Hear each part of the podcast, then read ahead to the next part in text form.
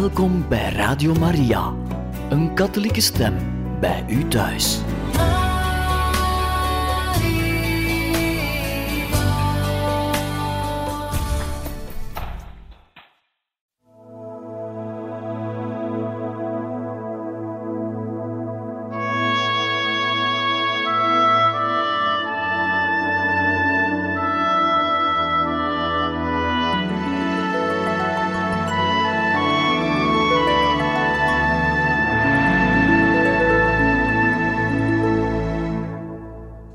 Beste luisteraars van Radio Maria, goede vrienden, welkom in het programma Heiligen Getuigen.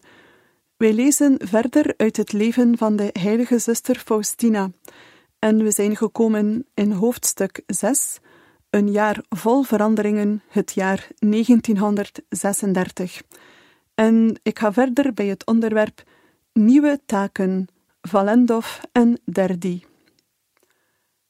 Klaarblijkelijk was het nu de mening van Faustina dat het toch de tijd nog niet was om de congregatie te verlaten, want ze aanvaarde nog een andere taak. Deze keer ging ze naar Valendov, een plaats op het platteland die ongeveer twintig kilometer van Warschau lag. De zusters ontvingen haar welgemeend en blij. Een van de zusters zei tegen haar: Zuster, nu jij naar ons toe bent gekomen, zal alles in orde komen. Waarom zeg je dat, zuster? vroeg Faustina. Dat voel ik zo van binnen, antwoordde ze. Het was waar dat het huis in moeilijkheden verkeerde. Die waren van financiële aard. Om de eindjes aan elkaar te kunnen knopen, waren de zusters gedwongen om van s morgens vroeg tot s avonds laat op het land te werken. Ze waren hierdoor vaak niet in de gelegenheid hun geestelijke oefeningen naar behoren te doen. Nu Faustina een aanstelling gekregen had in een huis dat in zo'n situatie verkeerde, begon haar gezondheid opnieuw te verslechteren. Maar ze aanvaarde al de gelegenheden tot opoffering en zelfverloochening zonder te klagen, als een onderdeel van haar vastenprogramma. Maar toen de overste haar opdracht gaf om de muren schoon te maken, vroeg Faustina nederig om ander werk, omdat ze zich te ziek voelde om zulk werk te doen. Toen het verzoek geweigerd werd, deed ze gehoorzaam wat haar gezegd was. Had ze niet eens zelf gezegd dat ze liever een assenpoester in het klooster wilde zijn dan een koningin in de wereld? Op de eerste vrijdag van de maand, vlak voor de heilige communie, zag Faustina een grote cibori die vol was met hosties. Een hand zette de cibori voor haar neer en ze nam die in haar eigen handen. Er lagen duizend levende hosties in. Toen hoorde ze een stem. Dit zijn hosties die door zielen ontvangen zijn, voor wie jij tijdens deze vasten de genade van waarachtige bekering verkregen hebt. De eerste vrijdag van de maand, die precies een week voor Goede Vrijdag viel, werd door Faustina in de grootste ingekeerdheid doorgebracht. Ze ontledigde zichzelf ter wille van de zielen. O, wat is het een vreugde om mezelf voor onsterfelijke zielen te ontledigen. Ik weet dat de tarwekorrel teniet gedaan en tussen molenstenen vermalen moet worden om voedsel te worden. Op dezelfde manier moet ik teniet gedaan worden om nuttig te worden voor de kerk en de zielen, alhoewel niemand mijn offer aan de buitenkant zal opmerken. O Jezus, naar het uiterlijke wil ik verborgen blijven, net als deze kleine wafel waaraan het oog niets ontdekt. Maar toch ben ik een hostie die aan u is gewijd. Op Palmzondag kreeg Faustina op een unieke manier deel aan de gevoelens van het allerbeminnelijkste hart van Jezus, die hij had toen hij, terwijl hij door jong en oud geprezen werd, Jeruzalem binnenreed. Iedereen om hem heen was vol vreugde, maar Jezus was heel ernstig. Hij vergunde het haar om te weten hoeveel hij leed. Op dat bijzondere moment zag ze alleen dat Jezus hart met de ondankbaarheid van de mensen verzadigd werd. In de stille week kwam op woensdag de buitengewone biechtvader, pater Bukowski, naar Valendov, om de biecht van de zusters te horen. Pater Aloysius Bukowski, jezuïet, was in het klooster in de Zitnia-straat in Warschau de buitengewone biechtvader geweest in de tijd dat Faustina daar haar eerste jaren als religieuze doorbracht.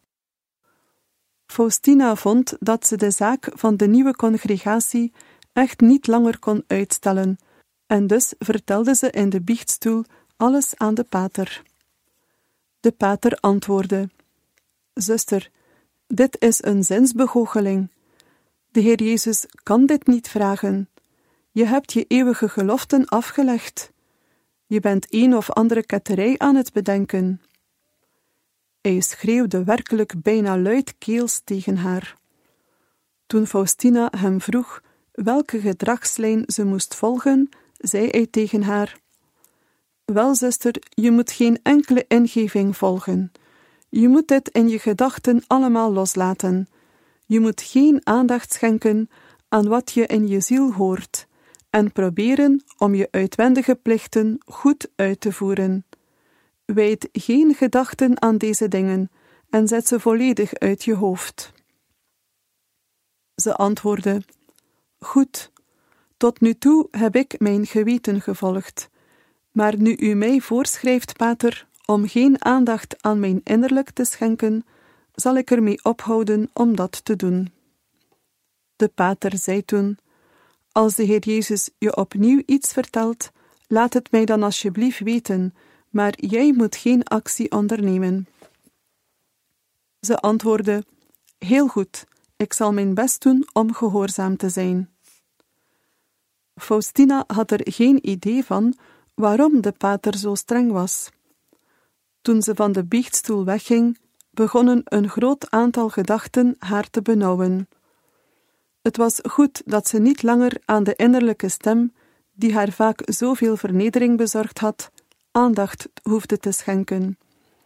Een vreemde pijn greep haar echter aan, en vanaf het ogenblik dat de biechtvader haar het verbod had opgelegd, werd haar ziel door grote duisternis omringd. Op Witte Donderdag werd haar lijden nog versterkt, doordat Satan er zijn schimpscheuten aan toevoegde. Haar eigen woorden kunnen hetgeen ze toen meemaakte het beste weergeven. Toen ik mijn meditatie kwam houden, kwam ik in een soort doodstrijd terecht. Ik voelde de tegenwoordigheid van God niet, maar de hele gerechtigheid van God drukte zwaar op mij.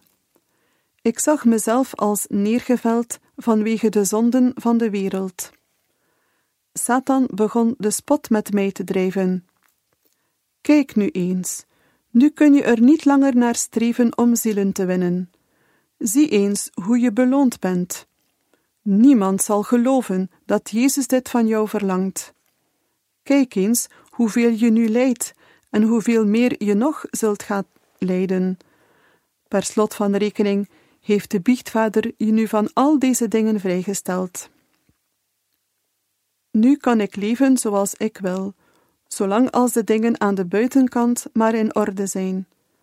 Deze vreselijke gedachten kwelden mij het hele uur.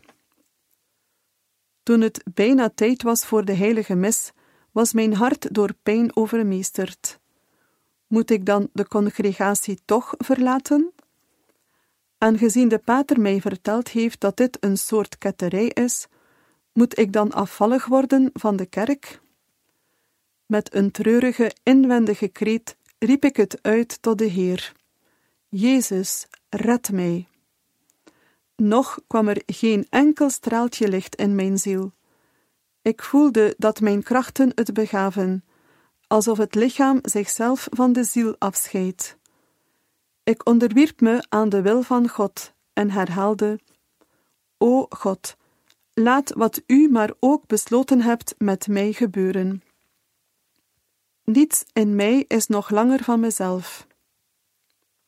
Toen omgaf mij plotseling Gods tegenwoordigheid en drong volledig in mij door. Dit gebeurde toen ik juist de heilige communie ontving. Even na de heilige communie verloor ik ieder besef van alles om mij heen en van waar ik mij bevond. Toen zag ik de Heer Jezus zoals hij op de afbeelding is weergegeven. Hij zei tegen mij: Zeg tegen de biechtvader dat dit werk van mij is en dat ik jou als een eenvoudig werktuig gebruik. Ik zei: Jezus, ik kan niet langer iets doen van wat u mij opdraagt te doen, want mijn biechtvader heeft me verteld dat dit allemaal inbeelding is. Het wordt mij niet toegestaan om één enkel bevel van u te gehoorzamen. Ik zal niets doen van wat u mij nu zegt te doen. Het spijt me, mijn Heer, maar ik heb geen toestemming om iets te doen, en ik moet mijn biechtvader gehoorzamen. Jezus, ik vraag u heel ernstig om vergiffenis. U weet hoeveel ik hierdoor lijd, maar ik kan er niets aan doen, Jezus. De biechtvader heeft het mij verboden om uw bevelen op te volgen. Jezus luisterde vriendelijk en met genoegen naar mijn betoog en mijn klachten. Ik dacht dat de Heer zwaar beledigd zou zijn, maar hij schepte in tegendeel behagen in wat ik zei. Hij zei op een vriendelijke manier tegen mij: Vertel je biechtvader altijd alles wat ik tegen je zeg en wat ik je beveel te doen, en doe alleen datgene waarvoor je toestemming krijgt. Raak niet van streek en wees nergens bang voor. Ik ben met je. Mijn ziel was vol vreugde en al die benauwende gedachten verdwenen. Er kwam zekerheid en moed in mijn ziel. Maar na een poosje maakte ik het lijden mee dat Jezus in de Hof van Olijven onderging. Dit duurde tot vrijdagmorgen. Op vrijdag maakte ik het lijden van Jezus mee, maar deze keer op een andere manier. Op die dag kwam Pater Bukowski uit Dardi. Een wonderlijke kracht drong mij om te biechten te gaan en hem over alles te vertellen wat er met mij gebeurd was en over wat Jezus tegen mij gezegd had.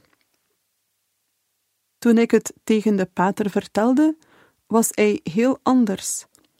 Hij zei tegen mij: Zuster, wees nergens bang voor. Er zal je geen enkel kwaad overkomen, want de Heer Jezus zal dat niet toestaan. Als je gehoorzaam bent en in deze gesteldheid volhardt, hoef je je nergens zorgen over te maken. God zal een weg vinden om zijn werk tot stand te brengen. Je behoort altijd deze eenvoud en oprechtheid te hebben, en je moet alles aan moeder-generaal Overste vertellen. Wat ik tegen je zei, was als een waarschuwing bedoeld, want zelfs heilige mensen kunnen door zinsbehoogelingen getroffen worden. En Satans onopgemerkte misleidingen kunnen er een rol in spelen. Soms komt dit uit onszelf voort, dus moet men voorzichtig zijn. Ga dus door, zoals je tot dusver gedaan hebt. Je kunt zien, zuster, dat de Heer hier niet boos om is geworden. En zuster, je kunt deze dingen die er op dit ogenblik met je gebeuren, weer aan je vaste biechtvader, Pater Sopoko, vertellen. Ik heb hier één ding uitgeleerd: dat ik voor ieder van mijn biechtvaders veel moet bidden, en dat hij verlichting van de Heilige Geest mag krijgen. Want als ik naar de biechtstoel ga, zonder eerst vurig gebeden te hebben, begrijpt de biechtvader me niet erg goed.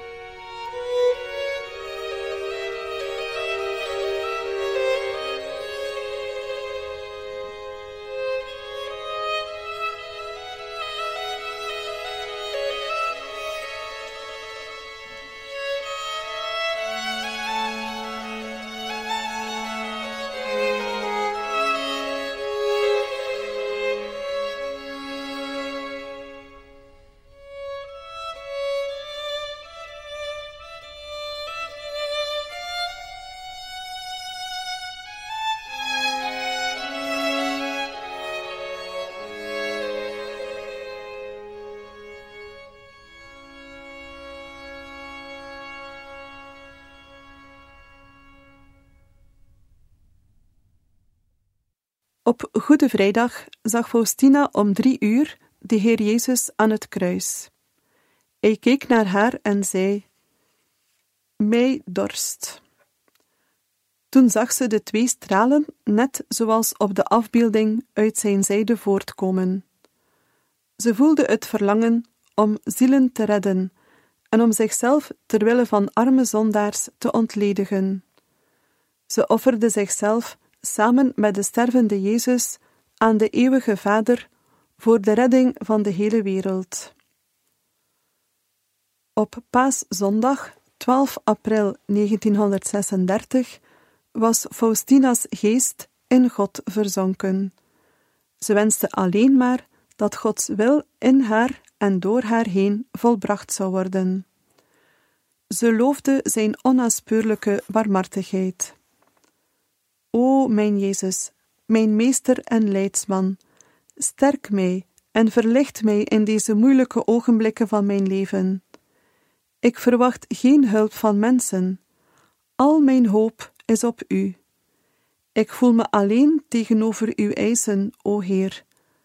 Laat wat U zich van alle eeuwigheid af voorgenomen hebt met mij gebeuren. Ik ben gereed. O onbegrijpelijke God, hoe groot is uw barmhartigheid!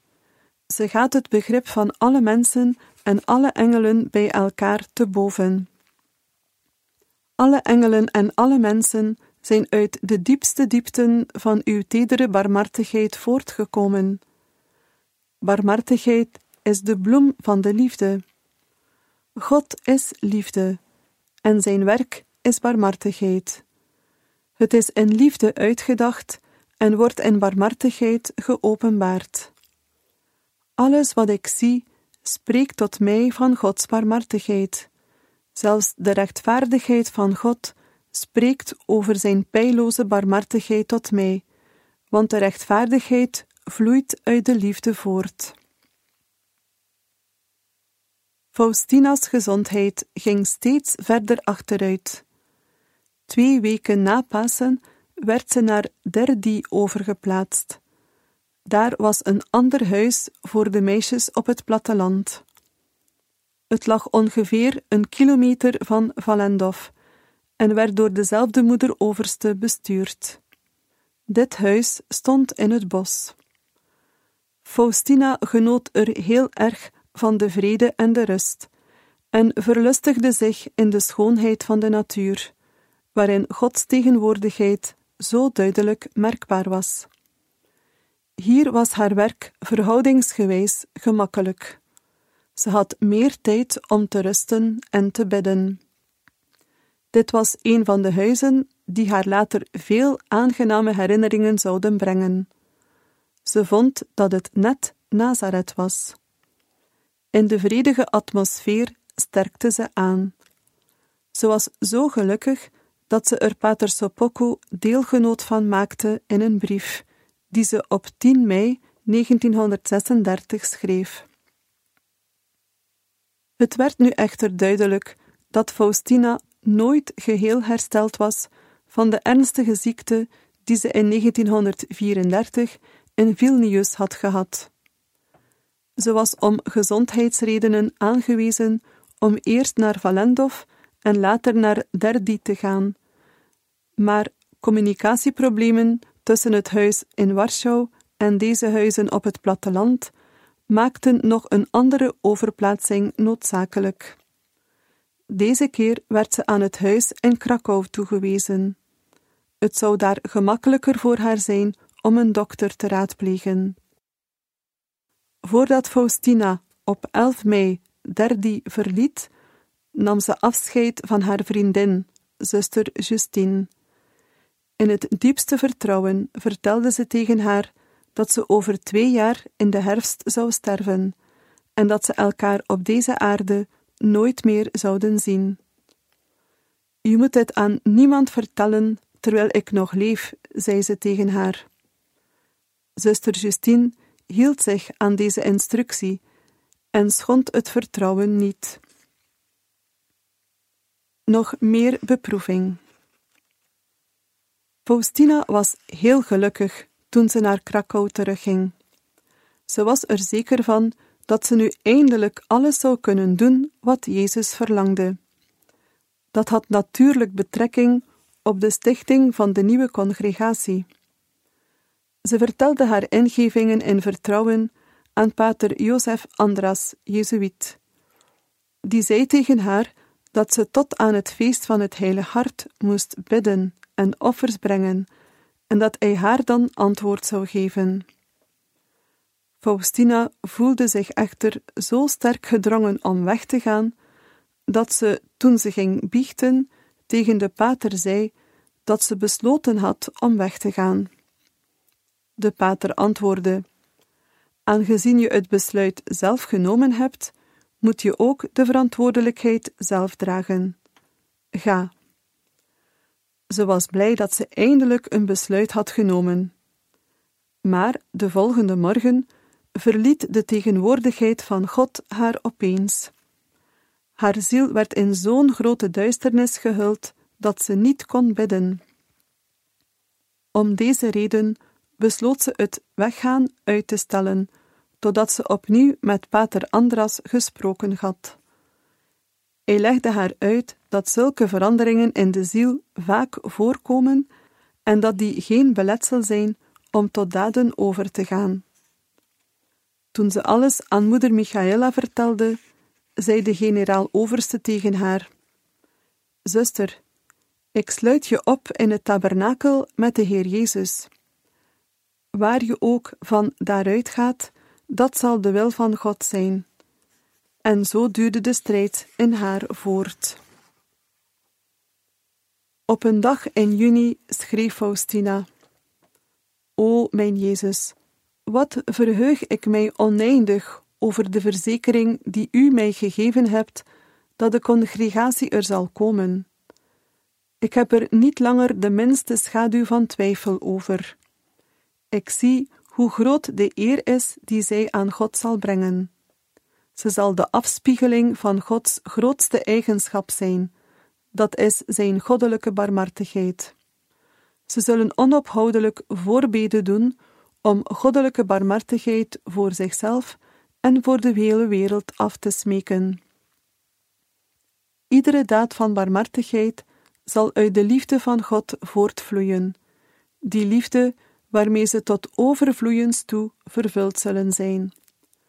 Ze zullen er naar streven om zich deze grote eigenschap van God eigen te maken, om er door te leven en om anderen ertoe te brengen ze te leren en op de goedheid van God te leren vertrouwen.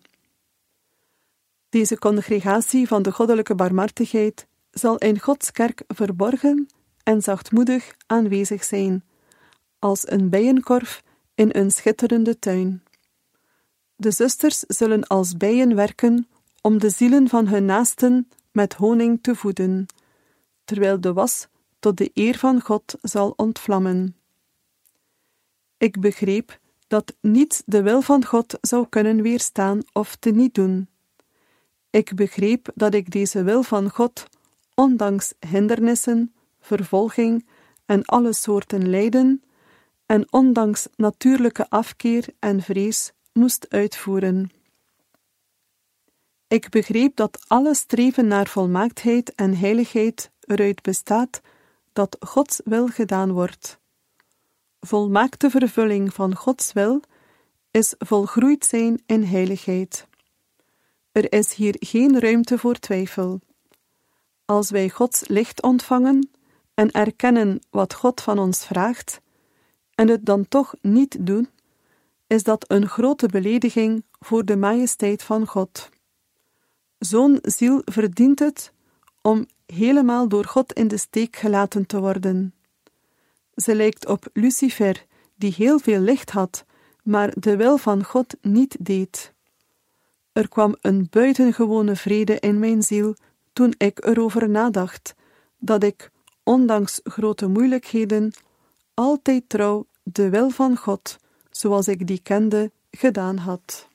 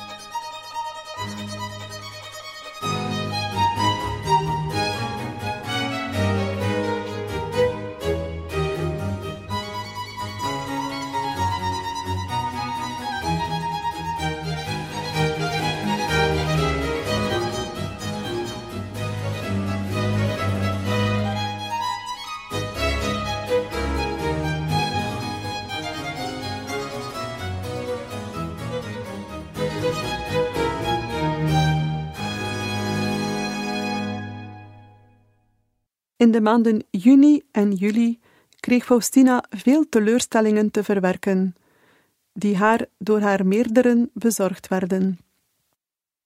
Ook moest ze de verwijten en de ironische glimlach van de zusters met wie ze leefde verdragen. Aan de ene kant verlangde zij om Gods wil te doen, aan de andere kant veroorzaakte het gebrek aan bevestiging van de kant van haar biechtvader en de religieuze autoriteiten groot lijden en verdriet. Ze droeg dat in stilte en met ongewone kalmte. Bovendien ging ook haar gezondheid langzaam maar zeker achteruit.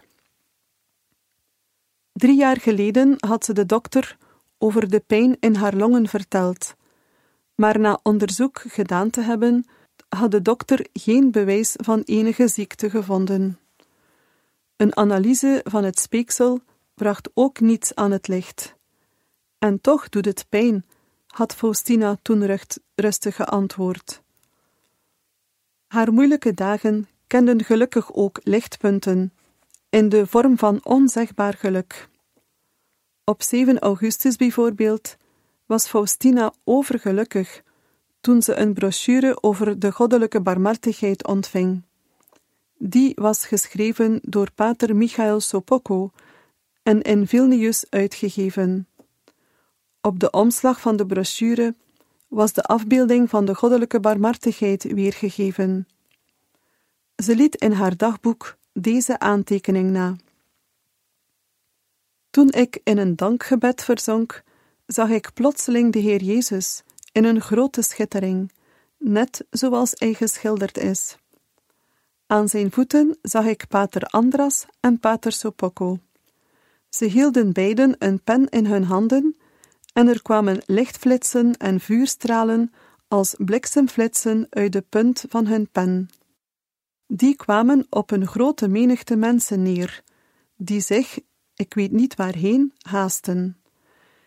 Wie door de lichtstraal geraakt werd, keerde de menigte onmiddellijk de rug toe en strekte zijn handen naar Jezus uit.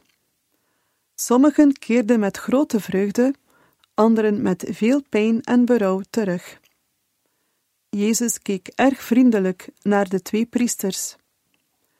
Na een poosje was ik alleen overgebleven met Jezus en ik zei: Jezus, neem mij nu tot u, want uw wil is al uitgevoerd. Jezus antwoordde: Mijn wil is nog niet helemaal volbracht in jou. Je zult nog veel lijden, maar ik ben met je. Vrees niet. Waarschuwing voor Polen.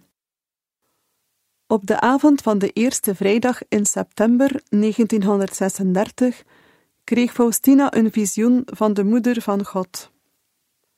Haar onbedekte borst werd met een zwaard doorstoken. De heilige moeder stortte bittere tranen en probeerde de mensen te beschermen tegen Gods verschrikkelijke kastijding. Faustina werd door een vreselijke angst aangegrepen. Zonder ophouden bleef ze voor Polen bidden, haar geliefde Polen, dat zo weinig dankbaarheid toonde aan de Moeder van God.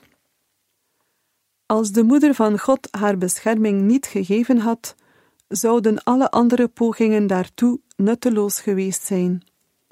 Maar nu vermenigvuldigde Faustina haar gebeden en offers voor haar geboorteland. Toch zag ze dat die vergeleken met de golf van kwaad die de overhand had, maar als een kleine druppel waren. In haar dagboek schreef ze de opmerking: Hoe kan een druppel een golf tegenhouden? O ja, op zichzelf is een druppel niets, maar met u, Jezus, zal ik dapper opstaan tegen de hele golf van kwaad, en zelfs tegen de hele hel. Uw almacht kan alle dingen doen. Het lijkt erop dat God de gebeden van zijn moeder en de offers van zijn dienstmaagd aanvaarde en de genadetijd voor Polen verlengde. Toen er een paar dagen van september verstreken waren, gaf de heer Faustina een belangrijke boodschap, op het moment dat ze net van de gang naar de keuken liep. Bid onophoudelijk de rozenkrans die ik je geleerd heb. Wie die ook maar bidt, zal grote barmhartigheid ontvangen op het uur van de dood. Priesters moeten die aan zondaars aanbevelen als hun laatste hoop op redding. Zelfs al zou het om een zeer verharde zondaar gaan, als hij deze rozenkrans maar één keer bidt, zal hij vanuit mijn oneindige barmhartigheid genade ontvangen. Ik wil dat de hele wereld mijn oneindige barmhartigheid kent. Ik wil aan die zielen die op mijn barmhartigheid vertrouwen, onvoorstelbare genaden verlenen. Beste luisteraars van Radio Maria, wij eindigen hier voor vandaag het voorlezen uit het boek Het leven van de heilige zuster Faustina. Wij danken u heel hartelijk voor het luisteren en graag tot volgende keer.